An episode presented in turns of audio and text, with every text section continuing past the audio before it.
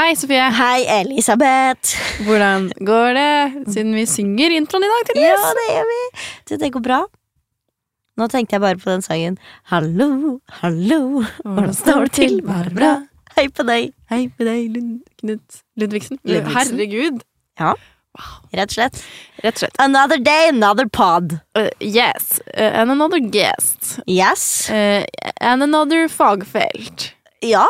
I dag har vi, i, øh, ja, for i dag har vi faktisk vært innom noe helt nytt. Ja, og vi har toucha mange fagfelt òg. Ja, Vi har vært innom både skuespill og manus og regi, men Og kanskje ja. viktigst av alt for denne episoden impro. impro-acting. Vi har tatt med oss impro-dronninga sjæl Ja. rett inn i studio. Mm. Og dagens om- gjest Ja. er ja, dagens gjest er Karoline Johansen! Så ta en litt, da. Yes. Hei! Brekk et bein! Hei! Brekk et bein! Hei, hei, Heia! og velkommen til podkast. Ja. Takk. Hva er ditt navn? Mitt navn er Karoline Johansen. Ja, Eh, yes. Det er bare det. To navn, ingen flere.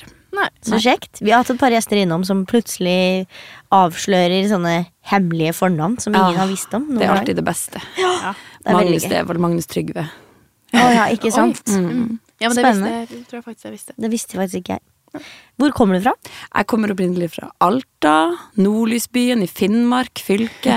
Flott sted. Ja, De driver og sier at vi heter Troms og Finnmark nå, men jeg har ikke vent meg til det. Jeg har meg altfor lite med på den sammenslåingsgreia. Ja, ja. Jeg òg kommer fra et sted som plutselig har blitt Vestfold og Telemark, og da var jeg sånn Hæ, hva mener du? Hva?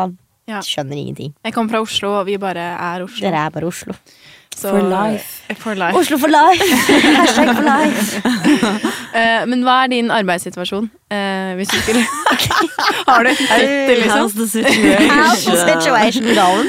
Uh, oh, eh, ah, det er et eh, stort spørsmål, fordi eh, jeg, det var en som spurte meg nettopp jeg var på en kafé. Så skulle jeg betale, så, jeg, så hadde jeg sittet der og jobba. Så sa han sånn So, you've been working all day? For han snakka engelsk. Oh. Ja, så sa jeg ja, jeg jobber mye. Og så sa han sånn, ja, jobber du mye? Så tenkte jeg ja, jeg jobber hele tida, nesten. Ja. Eller det siste så har jeg blitt litt flinkere på å ta meg tid til å ha fri og sånn, da.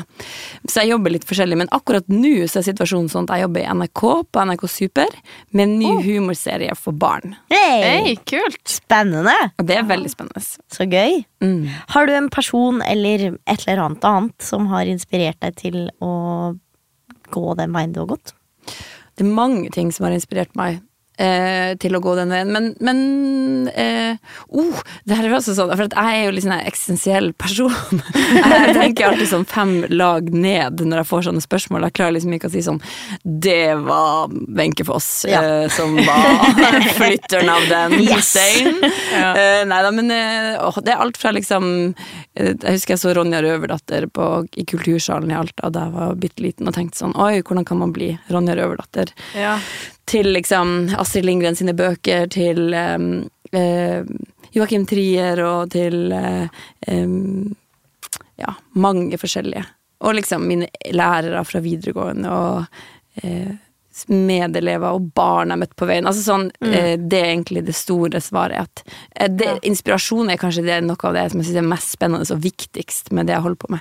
At Hvis jeg kan etterlate meg noe som folk sier sånn, jeg ble inspirert av det, da er det liksom ah, ok, da har jeg Yes. fått til det som jeg har lyst til å få til. Mm. Ja. Veldig Jeg godt tror jeg er litt lik. At jeg, jeg blir inspirert av mye. Ja. Det er noen som kommer og sier Jeg blir ikke inspirert av noen ting. Jeg bare endte opp her. Og så er jeg sånn wow. Eh. Jeg har så mye. Kjenner meg ikke igjen. Så mye og så mange, ja. Men eh, hva, kan du fortelle litt om din eh, reise fra Ja, egentlig fra etter videregående da, typ, til der du er nå?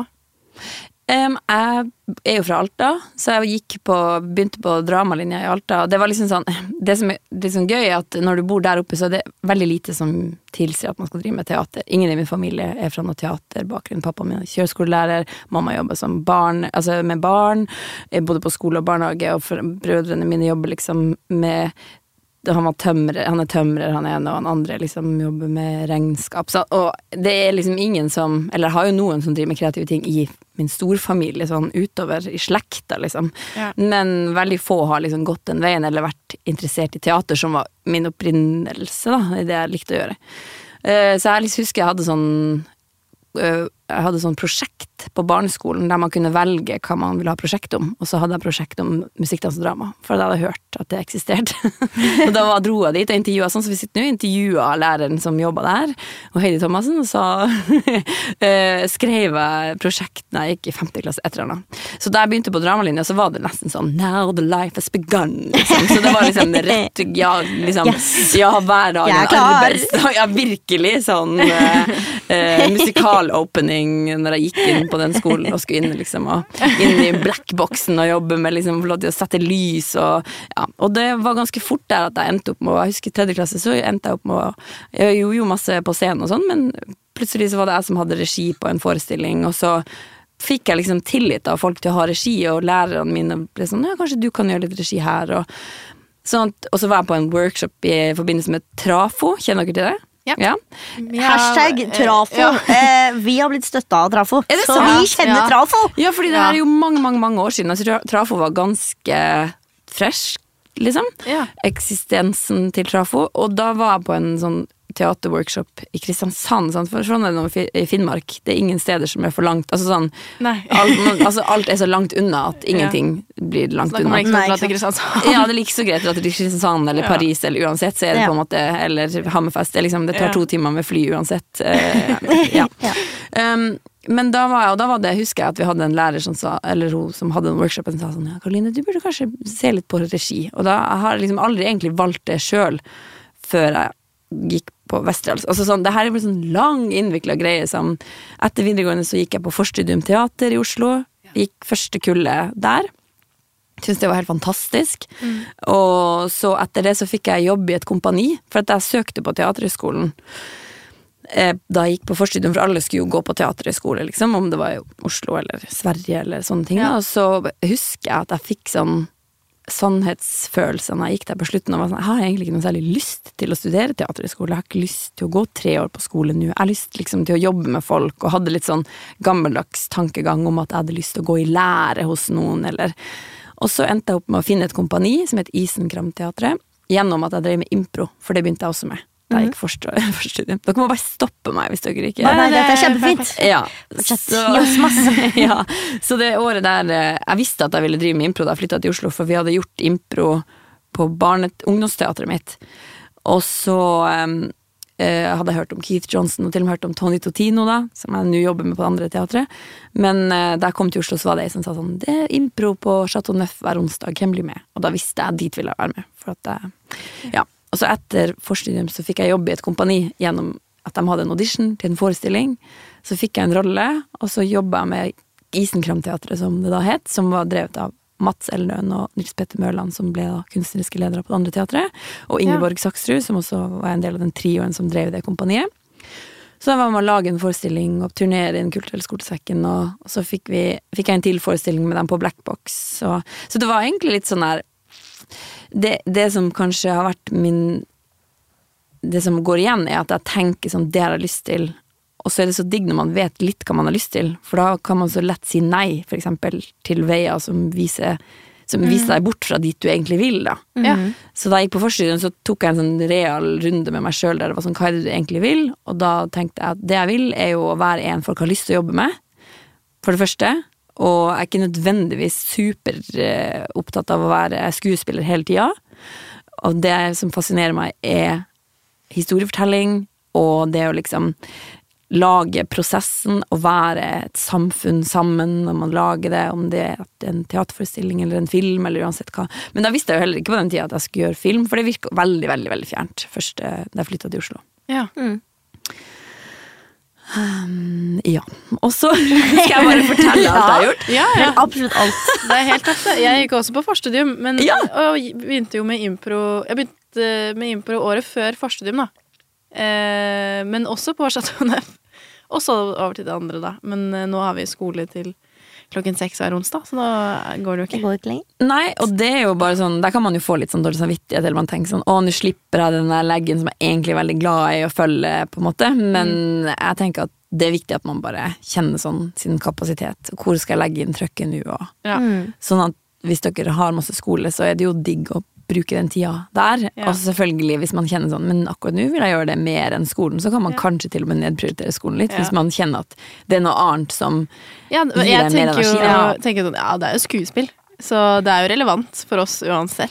Så det hender at det er sånn ah, Ja, men den der, der må jeg bare si at det har vært en av mine sånne store ting at jeg bare man må gå den Man må bare følge det man tenker at her har jeg lyst til å Eller sånn Følg dine egne regler framfor Ja. framfor de reglene du blir utdelt, Mm. fordi dem, altså alle regler kan jo brytes, liksom. Men hvis du kjenner at dine regler forteller deg at eh, vet du hva, nå må jeg dit, eller jeg må gjøre det, eller jeg må velge, og, så, så er det alltid best slu, etterpå, for da sitter Ja. man etterpå og det er sånn åh, så digg at jeg fulgte magefølelsen. At Så jeg bra ikke at jeg liksom gjorde det, liksom. ja, Mm. at jeg ikke bare satt og nikka og var med bare fordi at jeg fikk beskjed om det, Ja. som veldig mange gjør, og spesielt kanskje i Norge, for de er veldig gode å følge regler, og det er bra, Ja. men når man skal jobbe innenfor kunstfelt og sånn, så Ja. er det jo litt um, viktig å på en måte av og til bare slå den veien som føles riktig for en sjøl, Mm. fordi det er jo du som skaper din egen plass, liksom. ja, Mm. absolutt. Mm. Kanskje jeg skal litt? Det er gøy. Det er fra meg skulk skolen, nei da, men Karoline sa- Men Karoline sa at det var greit å skulke, så vi bare gjorde det. Ja, jeg kan Ja, si det, og så må du høre med deg sjøl. Det er Ja. det viktigste. Hvis Ja. du tenker at eh, ja, Mm. hvorfor følger jeg regelen her? Er det fordi at jeg er redd for å bryte den, eller er det fordi at jeg faktisk syns det er bra å Mm. gjøre det her, liksom? Ja, for jeg har vært veldig redd for å bryte regler før i skuespill, og alle lærerne mine har alltid vært sånn Du må, du må bare gjøre litt mer det du vil. Mm. Hva vil du? Mm. Og bare gi litt faen. Og da er jeg sånn Ok, men da gjør jeg det, da. Og det er så vanskelig også å vite hvordan skal jeg gi faen, da. Ja. Fordi første gang når du Ja, for jeg, jeg syns det er verdens dårligste beskjed å få. Kan ikke du gi litt mer faen? Ja, hva, hvordan da? Hva, Ja, ja. hva, hva gjør hva, hva, Bare Hæ? fuck alt og Altså, man, det ja, går Kan vi ikke ikke. snakke litt om det? For Ja. det syns jeg er superinteressant. Og det handler om sånn som Nå så jobber jeg jo som regissør, lang historie kort, så endte det opp med at jeg var tre måneder i LA fordi at jeg er veldig interessert i humor, alltid vært veldig, veldig opptatt av humor, og sett humorfilmer og serier, og liksom fulgt komikere på YouTube, og liksom hørt på sånn standup-album på Spotify og liksom, ja. Og så var det en periode etter at jeg hadde jobba med det kompaniet, da, at jeg tenkte sånn, nå må jeg gjøre noe annet, fordi nå har jeg vært hos dem to og et halvt år, og jeg var jo ganske ung. Jeg tror jeg, fikk, jeg, tror jeg var 21 da jeg fikk det, den jobben i det kompaniet. Som gjorde at jeg hadde en jobb og skulle levere, og vi spilte 200 forestillinger i hele Norge. Turnerte i Den kulturelle skolesekken. Og, sant, som er ganske mye å gjøre når man ikke har sånn supermye erfaring. Så jeg var veldig opptatt av at jeg sa til han, han eh, regissøren min òg at eh, husk at du har ansatt en som ikke har masse erfaring. Jeg kan gi masse som mange andre kanskje ikke kan gi, men jeg kommer også til å være begrensa på det titt... Altså, Hvis jeg hadde hatt ti års erfaring med å spille forestilling hver kveld, så hadde jeg hatt en annen stamina og rutine enn hva jeg har da. Så, ja. så jeg, jeg, jeg gjorde en sånn megafeil på en eh, teaterfestival. Vi skulle, vi hadde, da hadde vi heldigvis spilt den forestillinga før, så vi hadde solgt den inn i Den kulturelle skolesekken. Den var egentlig utsolgt, men så fikk vi komme på scenekunstmarkedet eh, i Åh, hva heter det da? Jeg vet veldig godt hva det heter. Så, eh, hva heter det? Det er et sted Sandefjord? Ja, jeg tror det er Sandefjord. Sandefjord er et sted. Ja, jeg lurer på om det er der det er scenekunstmarkedet. Nå da. Eh, Men da spilte vi den forestillinga, og hadde ikke spilt den på veldig lenge. Og da gjorde jeg en så stor feil. Jeg stoppa liksom helt opp i hjernen foran publikum, og bare oppkjøpere i publikum, og jeg bare sånn Nå vet jeg ikke hva jeg skal si. Altså sånn, og heldigvis hadde vi den, den formen var sånn at vi kunne si sånn Jeg kunne si sånn Ingvild, hvor er vi nå? Uten at det er nødvendigvis Men jeg var sånn Åh, og hun var sånn, vi er jo her. Jeg bare, mm. Og så gjorde vi den, den strekka forestillinga, så gjorde vi det samme to ganger. Og hun var helt sånn, jeg så hun bare svetta, og jeg var sånn, I don't know. Jeg aner vet ikke hva som vi skjer. driver med. Og på et punkt så liksom klarte vi å stable oss tilbake igjen i flowen da, og bli ferdig. Ja. Men det var så sjukt. For jeg gjorde liksom alle skuespilleres store skrekk. Jeg bare fikk jernteppe foran masse oppkjøpere som skulle kjø potensielt kjøpe den forestillinga. Og vi var jo kjempestolte av forestillinga, regissøren var superstolt og stoka for at vi hadde fått den på det markedet og sånne ting. Ja. Men da husker jeg etterpå kun tenkte jeg nå kan du liksom drepe deg sjøl, Karoline, og tenke at du er en idiot. Eller så kan du flette deg fra hverandre og tenke hvorfor ble det sånn? Og da kom jeg frem til at grunnen til at jeg ikke fikk det til, var fordi at jeg gikk halvveis gjennom forestillinga før vi gikk på, som gjorde at når jeg kom halvveis, så følte jeg at jeg hadde gjort det samme før. Altså, jeg, jeg fant ut av hvor det kom fra, kjernen i problemet, da. Og så sa jeg rett ut til min regissør det her er risikoen ved at du bruker meg nå. Det er at det her kan skje. Og jeg beklager at jeg har pissa på det vi har lagd, liksom. Men det kan skje. Og det skjedde, og heldigvis så var det jo ikke krise. Det var ikke sånn at vi ikke Vi, vi hadde jo allerede solgt når vi, vi turnerte den nok, liksom. Men eh, det var en superlærdom. Og som jo er bra, fordi at jeg driver jo med improteater som handler om at feil er bra, og tørre å gjøre feil og sånne ting. Så de store feilene jeg har gjort, er jo det som har virkelig lært meg mest. Ja. Mm. Men ja, fordi eh, For meg med, så har impro vært kjempeviktig i forhold til skuespill. Fordi det, jeg husker vi gjorde en øvelse på Impronef som var sånn eh, Det er sikkert mange som gjør det i impro, men eh, man er liksom to lag på hver side, og så skal, ene, nei, så skal det ene laget si sånn 'Jeg gjorde en feil', og så skal det andre laget være sånn Woo! og juble som et fotballag, da, på en måte. Og bare den følelsen første gang jeg gjorde det, så var jeg sånn Ah, fuck yeah! Altså, ah, shit, så deilig det er. Og da blir man helt fryktløs. Eller blir sånn, du kan bare gjøre hva som helst. Og da var jeg sånn Dette er så viktig for meg å gjøre det her bare én gang i uka.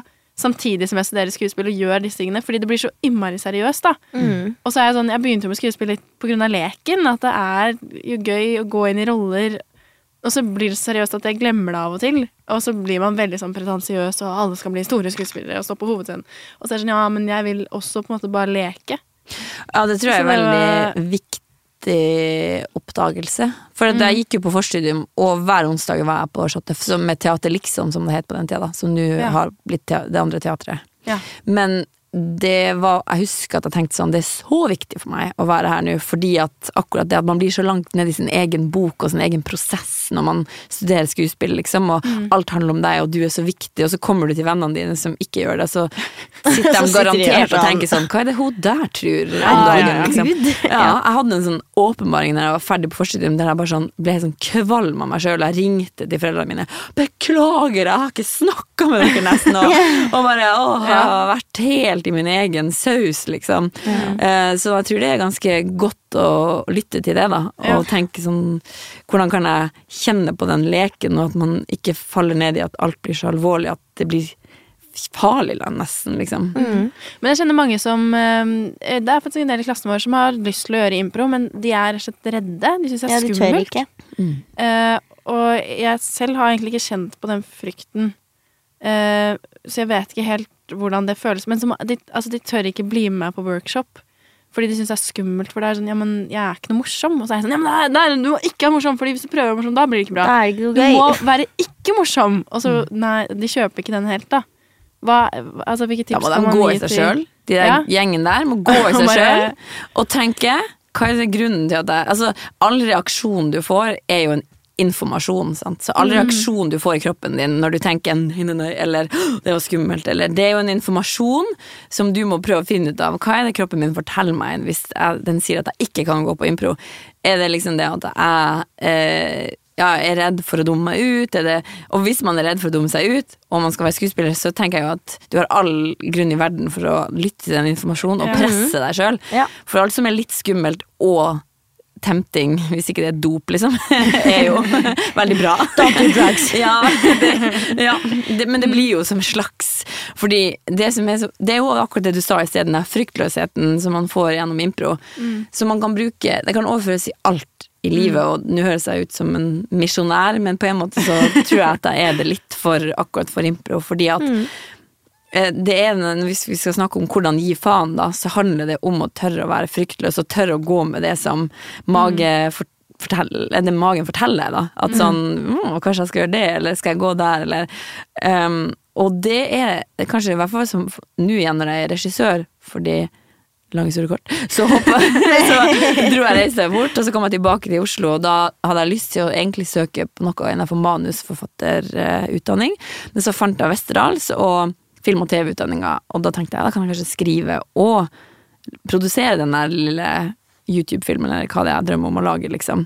Um, og, og da um, da, det at, at jeg da var opplært i meg sjøl å være fryktløs, både som regissør og liksom innenfor skuespill og sånne ting, gjør at man liksom det blir, det blir grens, Grensene flyttes hele tida, og du kan oppleve så utrolig mye mer og, og få så mye mer. da. Eh, så de skuespillerne jeg har hatt på sett når jeg har jobba med de produksjonene jeg har gjort, dem har jo jeg vært liksom veldig opptatt av å trene opp til å gi meg det som jeg ikke vet at de har. Mm. Fordi å være regissør for meg handler om det samarbeidet med skuespilleren. At hvis du er skuespiller på en scene, så har du, har du et samarbeid med regissøren i, for, liksom, i prøveperioden. Og så blir du overlatt til deg sjøl med den jobben dere har gjort, og så tar du det med deg til scenen, og så kan på en måte ikke regissøren gjøre så mye mer, for da er det du som har fått det, og sånn. Mens på film så er det jo hele tida underveis at vi leter sammen, da. Ja. Så hvis dere viser meg hva dere har, og jeg, dere stoler på at jeg tar det og gir, gir dere det jeg har, så kan det jo oppstå ting som vi ikke på en måte visste at fantes. Og det er det jeg liker som regissør, å lete etter de tingene. Men jeg kan ikke gjøre det alene med å bare liksom instruere og si gjør sånn som det her. Og eh, du kan ikke gjøre det alene, for da er det ingen som sitter her og tar det imot på andre sida av monitoren og ser liksom å, nå skjer det her, da. Sånn at det å trykke på de knappene til skuespillerne som gjør at de åpner seg og tør å liksom gå med sin egen flow, det er i hvert fall Jeg føler det er da alt det fineste oppstår. Mhm. Og da er jo impro kanskje en veldig fin eh, måte å trene opp det på. Jeg har ikke gjort så mye impro før selv, så Ja, jeg veit ikke. ja det er det Men det virker jo sånn, da. Ja. De gangene, få gangene jeg har gjort impro Vi gjorde sykt mye på videregående av en eller annen grunn. Der gjorde vi dritmye impro. Men det var litt på grunn av guttene i klassen min, tror jeg, som var med i NM og Mm. kjørte på. Eh, og Men da, jeg vil si en ting, bare en Ja. liten kommentar. Du gjør jo impro nå. Ja. Alt du Ja. gjør, er jo impro. Nettopp, ikke sant. Så det er jo det som er litt den derre um, Man må ikke lage Ting blir så magisk, føler jeg. Alle skal Mm. liksom være sånn å, liksom impro eller eh, Meisner-teknikk Ja, eller er Teaterhøgskolen og liksom man, man man bygger den fortellinga rundt det det egentlig er så utrolig stor, at man ender opp veldig fryktfull, da. Og veldig sånn 'å, pass på', eller ikke liksom eh, 'her må vi gå stille i gangene'. Altså sånn Det er jo bare å Jeg er jo veldig opptatt av å knekke det, liksom, og finne ut hva er det det egentlig er. Sånn at ikke jeg sitter her og er redd for et spøkelse som ikke finnes, liksom. Ja. Og det tenker jeg veldig mange unge som søker på skoler og Teaterhøgskolen og sånne ting. Det er jo bare et verktøy for å gjøre ting som du drømmer om å gjøre. Det er jo supersårbart og superfint, liksom, det å ville noen ting. Mm. Så det at du har lyst til å gå på en skole, bør jo egentlig bare bety at du har lyst til å følge noen ting som du vil inni deg. Så den skolen kan jo ikke bety mer enn det du betyr. Nei. Skjønner du hva jeg mener? Det, er liksom- jeg føler det blir så feil balanse, og det føler jeg ødelegger for så mange unge, flinke folk Ja, som ja. Til slutt bare gjemme seg inn i Som ikke tør i det hele tatt. Nei, eller bare prøve å være noen ting som skal tekkes den skolen, den læreren eller den regissøren, eller Men hvis vi skal lage en rik, stor kultur i Norge, så må jo alle bare sprenge sitt eget skall, sånn at man kan liksom se hva dere har å by på. At man ikke tenker ja, der kommer nok en sånn person, eller en sånn kunstner, eller en sånn skuespiller. Mm. Og det er jo det eneste man har, er jo liksom seg sjøl. Det er ingen andre som er Det er jo den store klisjeen, liksom. Det, ikke være som alle andre, for alle andre er tatt, liksom. Ja. Men det er det, som er, det er det som har hjulpet meg veldig med impro. Er å bare, eh, for jeg har eksistensielle kriser hele tiden. Mm. Liksom, litt hver dag, egentlig. Eh, og da var jeg bare sånn eh, For når du gjør impro, så er det jo det som impulsivt skjer inni deg når noen sender deg en pasning, da, og så eh, hvordan du reagerer på den. Og det har hjulpet meg med å forstå hvem jeg er, og også egentlig finne litt min energi eh, på scenen, og eh, hvor stor jeg kan være i uttrykket uten at det blir eh, at, ja, Uten at det kan bli falskt. Jeg, liksom, jeg har funnet litt mer sånn eh, Fordi eh, når man er på impro, da Jeg husker en gang vi hadde en øvelse hvor det er sånn eh, Du skulle reagere sterkt, da. Eller liksom store emosjoner. Så er jeg sånn Oi, shit, jeg kan egentlig gå ganske mye lenger enn det jeg trodde jeg kunne gå. Og eh, nå som jeg har vært der ute, så kan jeg tenke at ok, når jeg skal spille et veldig neppe og realistisk stykke, da kan jeg gå helt ned der. Hvis jeg skal spille Shakespeare, så kan jeg dra den opp igjen. Så er jeg en veldig sånn, fin arena for å teste grenser. Mm. Og se, eller ja. Og det tror jeg også bare finne eh, at man ikke Eller jeg tenker i hvert fall at um, det finnes ikke én fasit. Ikke? Det har man jo hørt tusen ganger. Det finnes ikke én teknikk som passer perfekt. Liksom. Det, man må jo bare prøve masse forskjellig, og så må man jo shoppe av dem det som passer for deg. Ja, du må bare finne liksom din egen miks. Ja, det tror jeg er veldig lurt. Og det er jo igjen også sånn innad i impromiljøet så har du jo liksom forskjellige retninger, og jeg gjorde Ja. et improkurs da jeg var i USA, som igjen har en retning som heter liksom Del Close sin retning, da, som er en sånn Chicago-lærer. Og så har vi i Norge gjort mest Keith Johnston-aktig kortformat og sånne ting, da, eller da Ja. jeg begynte. Men for meg så er det sånn alle lærere og alt liksom er jo på en måte masse informasjon, og så må du bare finne din egen lærer som viser deg den ekte retninga di. Det tror jeg gjelder for alle Mm. type um, teknikker, da. Mm. Også som regissør. Ja. Ja. Det her er sånn mitt hode Alt er bare sånn bare. Så Kan du bare gi oss den historien? Bare, Mm. Ja, så det løper av men gårde. det er helt perfekt. Det er kjempefint. Ja, ja, fordi Det er strålende. vi også har avstikkere ja, Ja. Men det er veldig fint å høre deg si det igjen at eh, At man selv må passe på at man ikke må gjøre ting så utrolig mystisk og så, så skummelt og så farlig. For det er jo akkurat grunnen til at vi startet denne podkasten med det første. Var jo for å ufarliggjøre hele bransjen. Mm. Fordi at den utad kan virke så sykt skummel. Ja, det tror jeg er veldig lurt å gjøre. Så det vil jeg berømme dere for. Det er bra. Takk. Ja, fordi det, det er jo litt det som er litt kjedelig også, når man møter på kjempeflinke folk som har så stort lag av eh, eh, Hva heter det når man liksom passer på seg sjøl? Når man har eh, det er forsvarsmekanisme. Ja.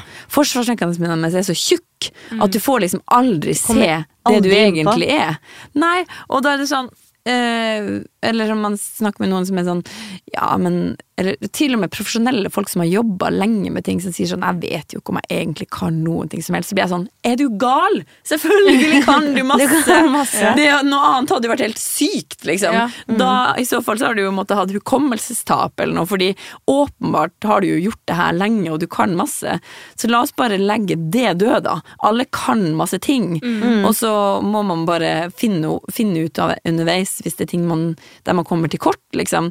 Men det, det tenkte jeg på også da jeg gikk på forstudiet, om at jeg har jo, tatt, jeg har jo liksom vært interessert i historiefortelling fra jeg var liten, så hvorfor skal man bare liksom nulle ut alt som ikke har liksom en bachelorgrad bak seg, eller en, en utdanning fra den og den skolen bak seg. Alt du har tjent av erfaring, er jo din erfaring og det du har å rutte med.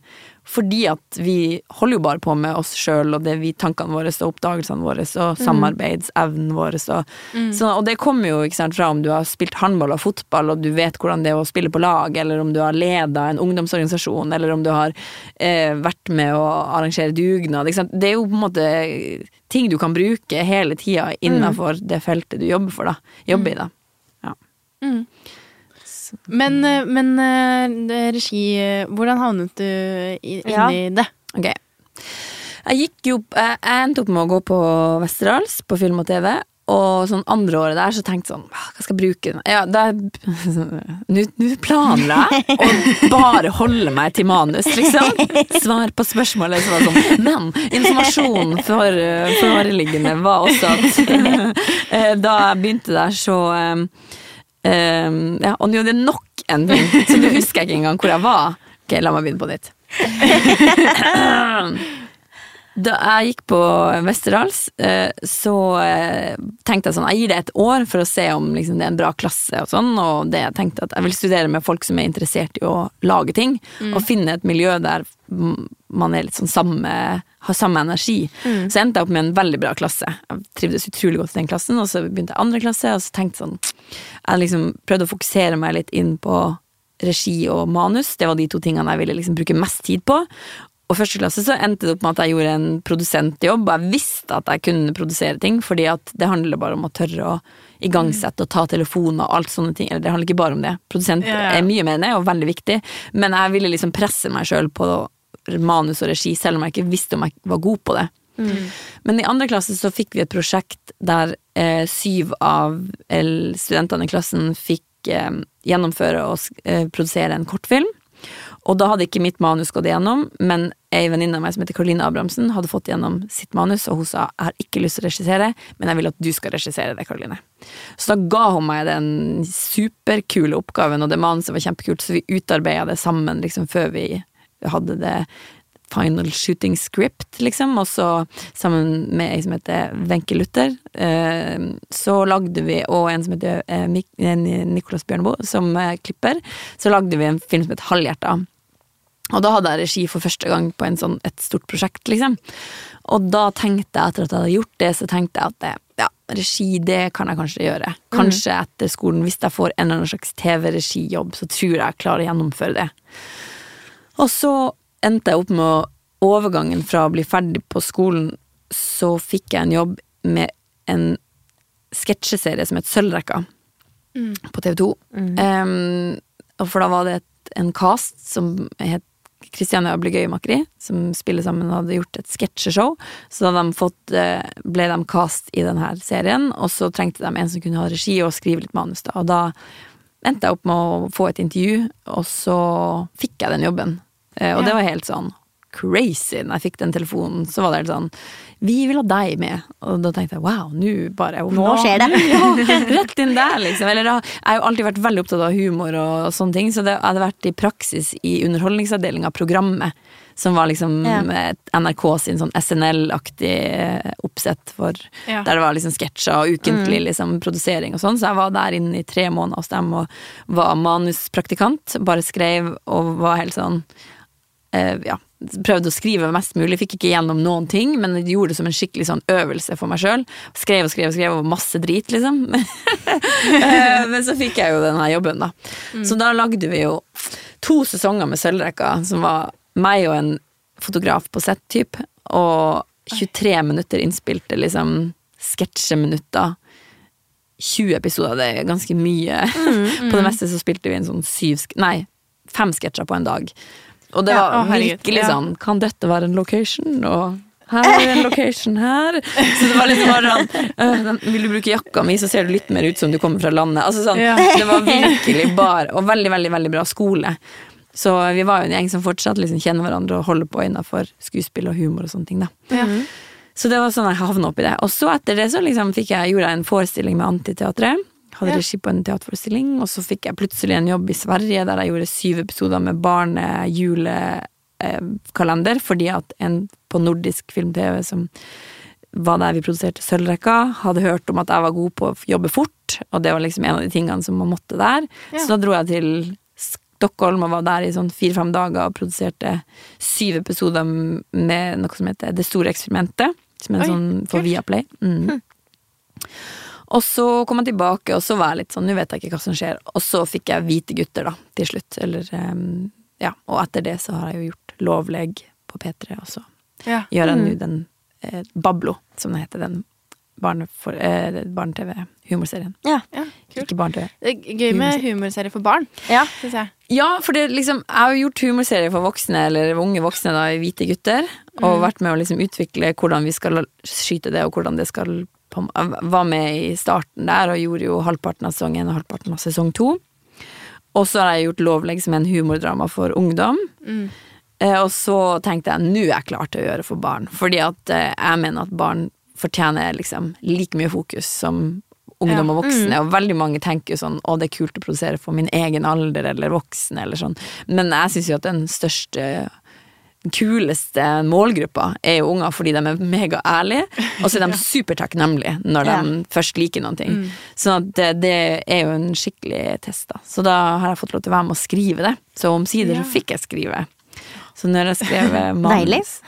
Ja, og det har òg vært superspennende og helt ko-ko prosess. Men den prosessen med å kunne skrive et manus har jeg liksom hatt i hodet siden 2012, og jeg begynte å drømme om å kanskje kunne skrive noen ting. Så det har vært veldig spennende å teste ut om jeg klarer det. Fordi det er jo en enormt tung prosess å skrive ting fra idé til liksom ferdig. Så jeg har veldig respekt for de som gjør det. Ja. Og sånn som på Hvite gutter, de fire som skriver, er jo de fire som spiller òg. Ja. Mm. Og de er bare så utrolig dyktige på Ja. å gå sånn hardt langt inn i materie. For at det skal bli bra. Ja, og det er kjempemorsomt. Jeg syns det, Ja, jeg synes det er kjempegøy. er dødsgøy. Ja, det føler jeg at man ikke kan diskutere engang, for det synes jeg Jeg husker da jeg leste første mann, så tenkte jeg sånn Det her er noe av det morsomste Ja. Jeg vet ikke hvem den karakteren er engang, men jeg følger med på alle vitsene, jeg kjenner følelsen deres, og det var så tydelig og fint og gøy at det, det var bare Og derfor får man jo helt sånn superlyst til å produsere det skikkelig bra, da. Mm. Så det var veldig gøy. Jeg, jeg hørte Lørdagsrådet-episoden med de gutta. Det var ganske Fordi- søtt opplegg. Ja. jo, men fordi broren min var sånn eh, Elisabeth, du er jo veldig dramatisk av deg. Eh, så jeg syns du skal høre den episoden med hvite gutter på Lørdagsrådet, for de gir sånn ordentlig svar, sånn som jeg ville gitt.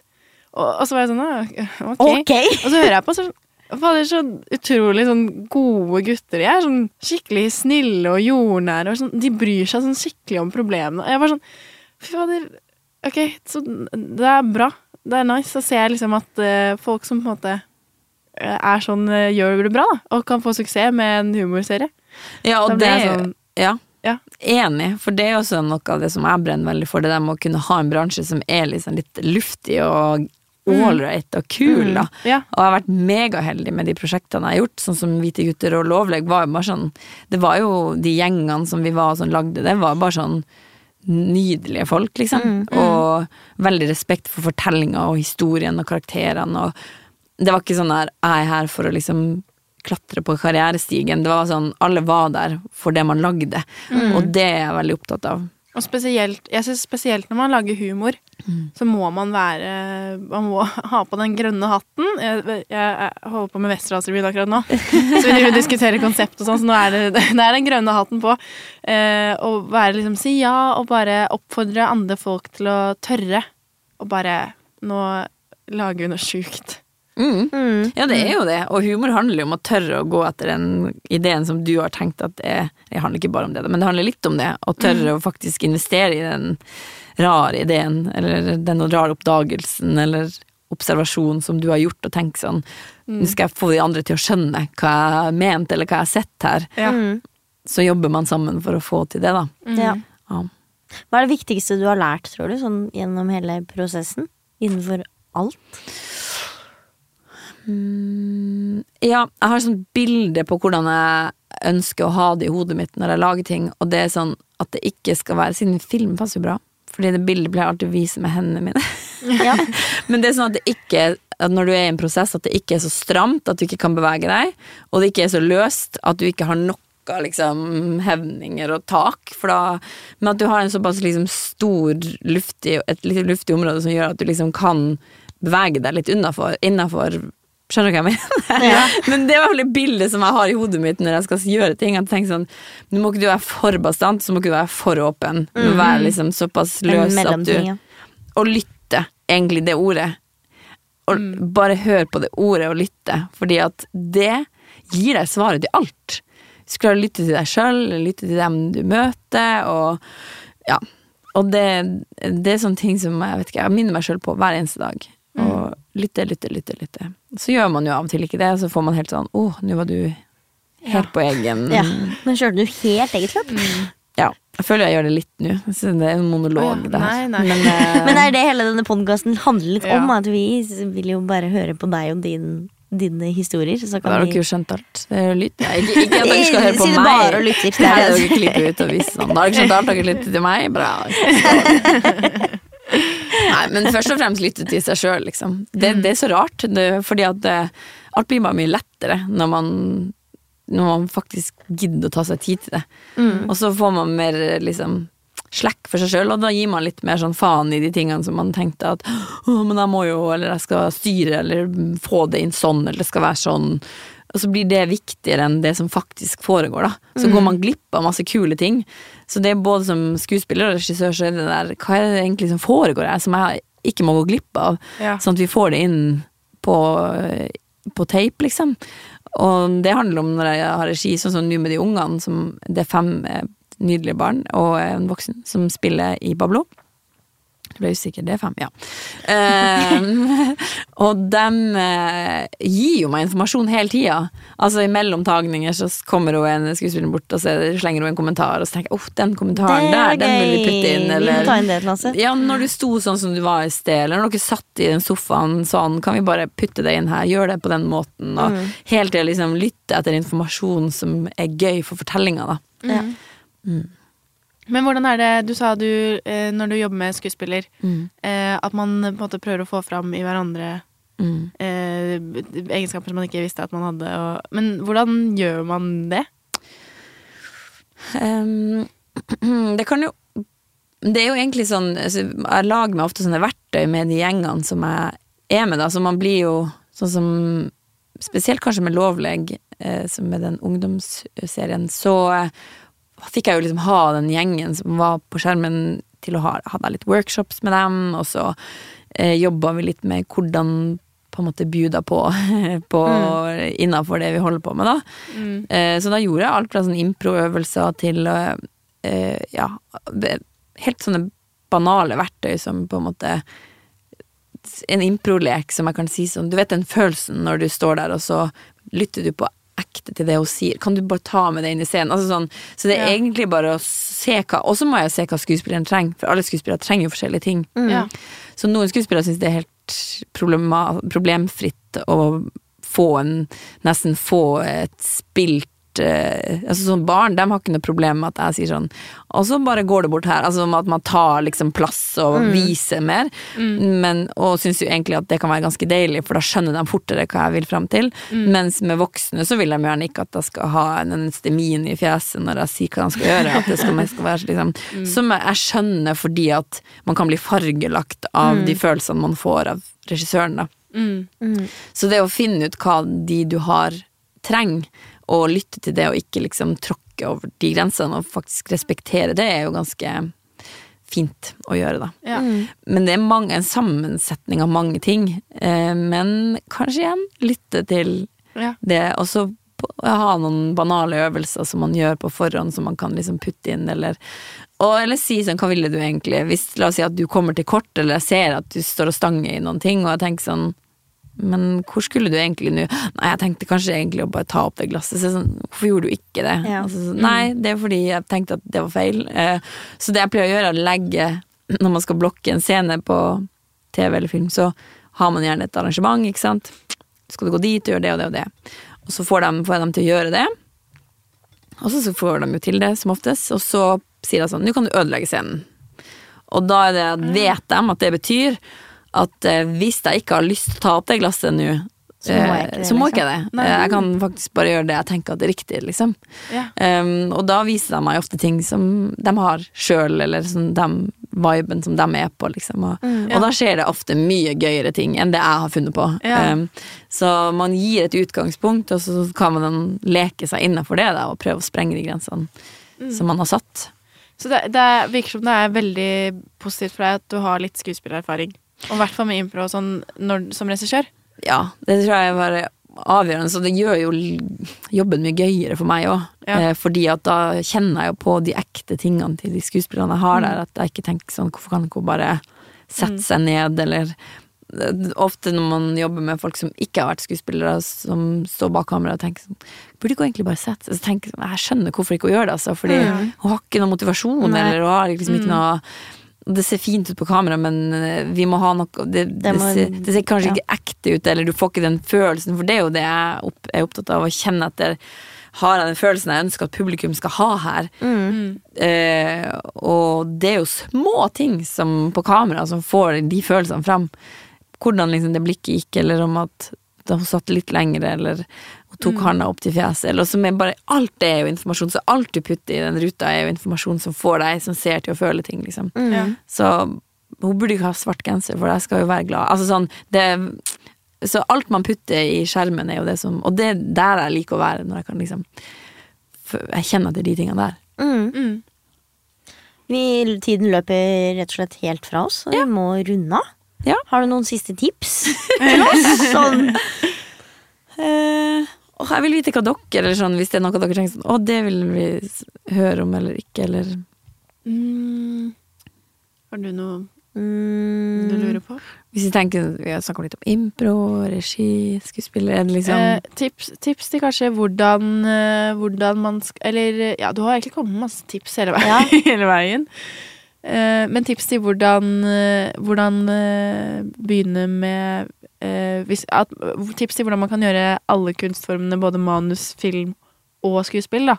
mm. Å ja, hvis du vil gjøre alle tingene? ja. Hva gjør man da? Eh, det jeg tenker er at du må finne din historieforteller, bare.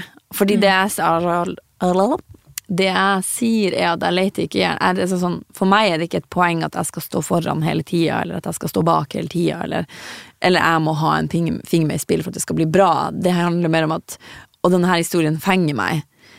Og jeg tror mot den at det, at det her er noe som fenger meg. Og det trenger ikke å være sånn at alt fenger meg, men det er sånn åh, jeg kunne tenkt meg å lage noe for barn, eller jeg kunne tenkt meg å lage noe innenfor det her. Mm. Uh, og så har man lyst til å fortelle den historien, og så tenker man hvor i historien passer jeg inn. Så i starten så tenker man jo sånn Ok, men det er sant, Ronja Røverdatter, hvordan kan jeg være hun? Men så skjønner du at noen har skrevet det, og noen har hatt regi, og noen har gjort musikken, og noen har gjort Så liksom at man tør å åpne litt for At man breier det der historiefortellingsbegrepet litt større. Mm. Fordi hvis man har veldig skylapper og bare vil én ting, så kan det være veldig bra og veldig riktig, og jeg vil ikke at folk skal slutte med det. Men hvis man har lyst til å gjøre flere ting, så må man bare tillate seg å åpne det. Og, være sånn, og det har vært veldig digg for meg at jeg bare innrømte for meg sjøl du kan gjøre flere ting. Det kan du. Det, du liker prosess, og du liker å lage ting. Og alt trenger ikke å bli nydelig og perfekt. Aldri perfekt. Men du liker å gjøre det. Og hvorfor skal man ikke gjøre det man liker når man først spaserer rundt her på jorda? Mm. Vi vet jo ikke engang hvorfor vi er her, så Nei, det er veldig sant. Godt poeng. Mm. Godt tips. Mm. Tusen takk for at du kom. takk for at jeg fikk komme.